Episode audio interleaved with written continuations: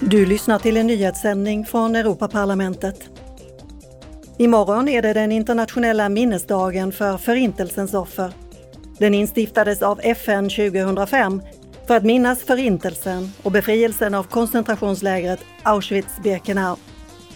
Idag håller Europaparlamentet en officiell ceremoni i Bryssel där Israels president Isaac Herzog närvarar och talar till ledamöterna.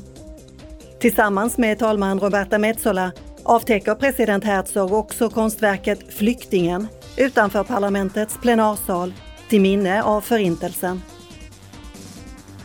Parlamentets utskott för kvinnors rättigheter och jämställdhet respektive medborgerliga fri och rättigheter samt rättsliga och inrikes frågor röstade igår om EUs anslutning till Istanbulkonventionen. Det är en konvention om förebyggande och bekämpning av våld mot kvinnor och den är det skarpaste internationella instrumentet på det här området. EUs ratificering signalerar en kraftfullare respons mot könsrelaterat våld och ser till att samma skyddsnivå gäller i hela unionen. Tuffare regler för politisk reklam antogs av ledamöterna den här veckan. EU-valet ska bli mer transparent och svårare att manipulera. Utskottet för den inre marknaden och konsumentskydd vill att allmänheten, myndigheter och journalister ska få tillgång till mer information.